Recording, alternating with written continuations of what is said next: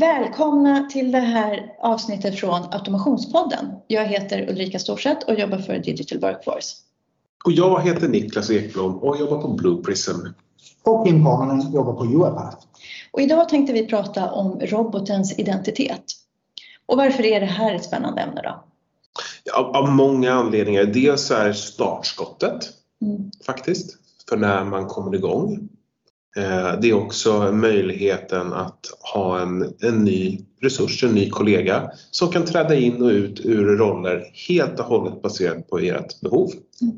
Det här området är så brett så jag skulle kunna prata en timme om det och jag eldar upp mig själv för att det finns också vissa hinder men det ska vi inte ta idag. Det skulle man kunna ge väldigt snygga passningar. Men Men jag tror vi måste ändå prata Det lite om varför det här kan vara problematiskt. det är ju så att om jag går in direkt då, robotsidentitet, det är ju alltid att våra krav idag att vi ska ha bank-id, vi ska, är det vården så ska vi ha sitskort och så vidare. Så att vi stoppas av en legal process som gör att robotarna inte kan utföra det flexibla jobbet de egentligen kan göra. Banker tillåter inte att robotar har en bank-id. Nej, och de har ingen personnummer och så vidare. Så att det är lite grann policy inom IT att det är knutet till våra personnummer eller sitskort att Ja, det ska vara tvåfaktors. tvåfaktorsautentisering.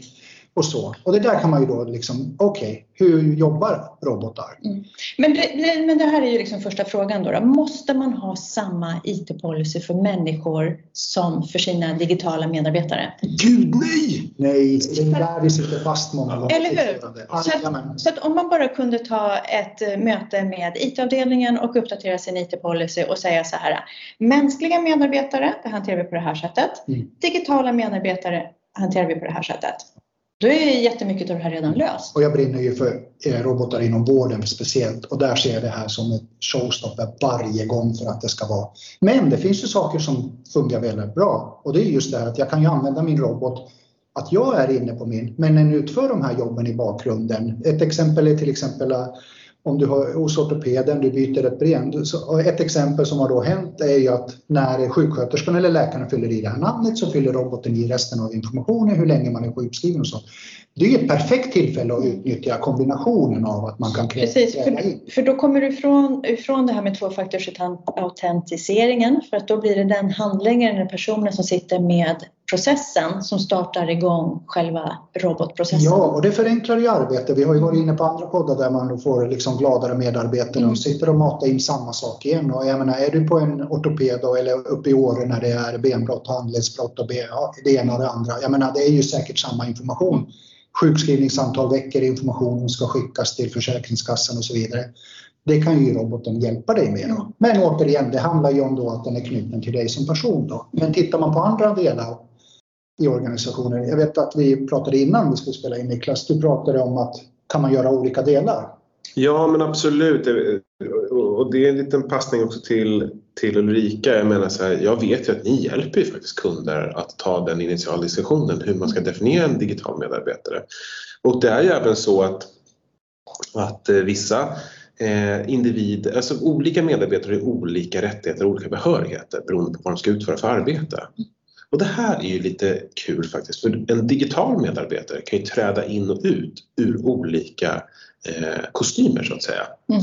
Vilket betyder i sin tur att om den utför ett arbete på måndagen som hanterar sjukt känslig information så kan man ju helt, då bygger man naturligtvis en process som innebär att den, den här eh, digitala medarbetaren träder in i den rollen, eh, lämnar rollen och den kommer inte sitta på kafferasten och, och avslöja någonting och den kan inte bli kittlad under fötterna tills den säger någonting. Precis. att, och sen så på, på tisdagen eller på måndag natt så arbetar jag med någonting helt annat. Nej, och där är vi inne på helt en riktig, för jag vet när jag började för fyra år sedan och det var ju den här första eh, konsensus just att är jag som medarbetare, jag kan ju lämna över eller förbisäga någonting om misstag att oh, men gud, jag såg din granne när jag gjorde lönerna, jädrar vad han tjänar och så vidare. Och den informationen kan ju roboten aldrig ge.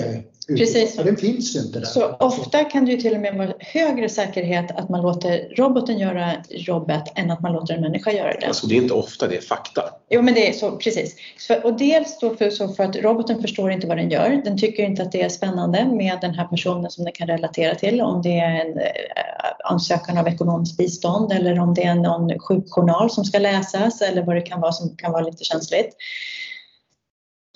Och där är ju robotens identitet ganska spännande på ett annat sätt. Mm. Just när du säger, vi säger att det är sökning av eh, medel till exempel, eh, konkreta, för att det kanske är tufft för den fam- familjen som söker. Då slipper den här personen också ta ett ställningstagande, för det kan ju vara också att man läser någonting och man bygger en bild av hur den här familjen har. Mm. Roboten fattar ju beslut utifrån de kriterierna. Precis. Och sen kan handläggaren ägna, ägna tid åt att då bara gå konkret in i ärendet istället. Och, Göra dynamiska bedömningar. exakt, Mm. Så att det blir också mycket mer rättssäkert. det blir det. Och det är precis som Niklas var inne på, den kan göra sjukt eh, sensitiv information ena stunden, släppa det och gå till nästa eh, därefter. Och, Kontera fakturor. ja, och jobba 24-7 utan Mm. att behöva då information som flödas. Mm. Men som sagt, det krävs ju en eh, förändring i vissa lagformer och så vidare. Och man kan ju effektivisera ännu mer. Skulle vi ta bort att man inte behöver ha personnummer och sånt, då skulle vi kunna göra ännu mer. Mm. Mm, absolut. Och- Och, det, är det är också många gånger en tolkningsfråga. För jag menar, i andra länder Ja, så, så sker ju det här, jag menar i UK till exempel.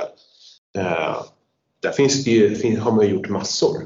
K- Kolla in something, eh, somethingincredible.org. Det är en, det är en jättekul eh, blogg eh, med, från en som arbetar inom sjukvården i UK. Då, där de berättar mycket vad de gör för någonting. Det är ju det här mina kollegor ibland inte förstår vad jag har för bekymmer när jag förklarar sitskort till dem. Det är ju också sådär, men vänta nu, vad är det för det? Alltså, Vad pratar du om? Mm. ja, nej, men det är så enkelt för det, det du var inne på Niklas. Att Mm. det är liksom, de har gjort massa saker men de har också kommit vidare mycket fortare för att de har inte haft de här showstoppers. Så en del lagkrav och en del IT-policykrav.